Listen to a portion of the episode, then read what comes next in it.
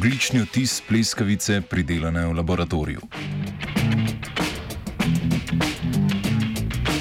Znanstveniki in znanstvenice v zadnjih letih razmišljajo, da bi, bi, da bi okolju prijaznejša alternativa živinoreji lahko bilo gojenje mesa v laboratoriju. Raziskovalce z Univerze v Oxfordu sta v znanstveni reviji Frontiers in Sustainable Food Systems nedavno objavili rezultate raziskave, v kateri sta primerjali oglični odtis laboratorijske pridelave mesa in oglični odtis klasične govedoreje.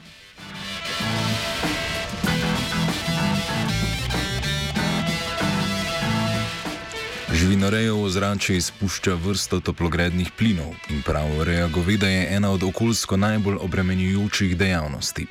Upeljava manj škodljivih načinov pridelave mesnih izdelkov bi bila zato zelo dobrodošla.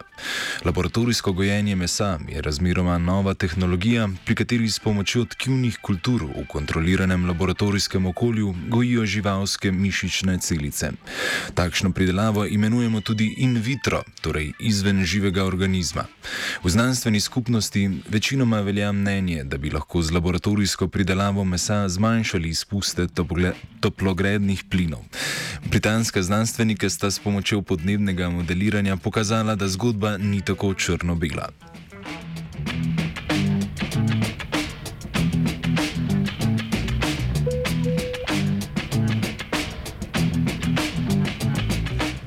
Za primerjavo sta uporabila štiri različne hipotetične oglične vtise, ki nastanejo v pridelavi mesa in vitro, in tri dejanske oglične vtise govedorejskih obratov iz Švedske, Brazilije in ZDA.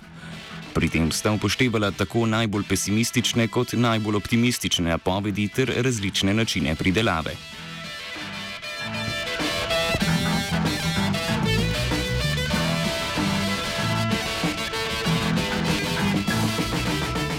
Predlagala sta tri različne scenarije porabe mesa.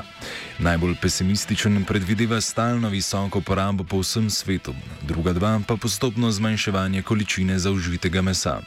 Na podlagi teh podatkov sta sestavila napovedane modele segrevanja ozračja za prihodnih tisoč let.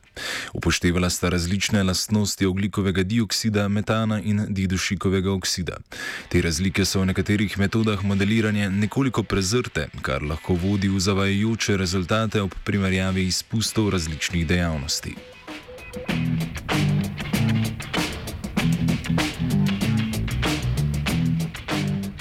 Glede na rezultate so v najbolj optimističnih napovedih izpusti, izpusti oglikovega dioksida ob in vitro pridelavi mesa primerljivi z izpusti govedoreje, medtem ko izpusti ostalih toplogrednih plinov res nižji. Se pravi, čujem, medtem ko so izpusti ostalih toplogrednih plinov res nižji. Po drugi strani pa raziskava kaže, da bi lahko imela in vitro pridelava na dolgi rok bolj izrazit vpliv na temperaturne spremembe kot živinoreja.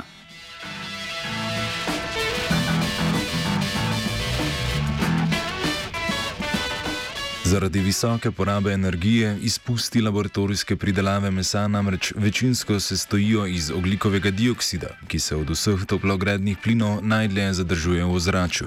To pomeni, da se v ozračju nalaga in ima lahko posledice še dolgo potem, ko vir izpustov odstranimo.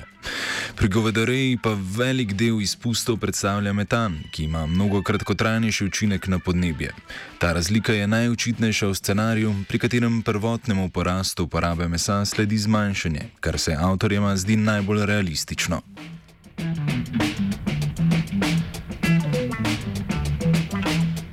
Izvajalca raziskave sta na podlagi svojih rezultatov zaključila, da laboratorijsko gojenje mesa ni nujno bolj trajnostna rešitev od klasične govedoreje. Veliko je odvisno od načina pridelave in vira energije, ki se bo uporabljal v bioreaktorjih. Niti v najbolj optimističnem scenariju pa nam nove metode proizvodne ne odpirajo vratu neomejeno uživanje mesnih izdelkov.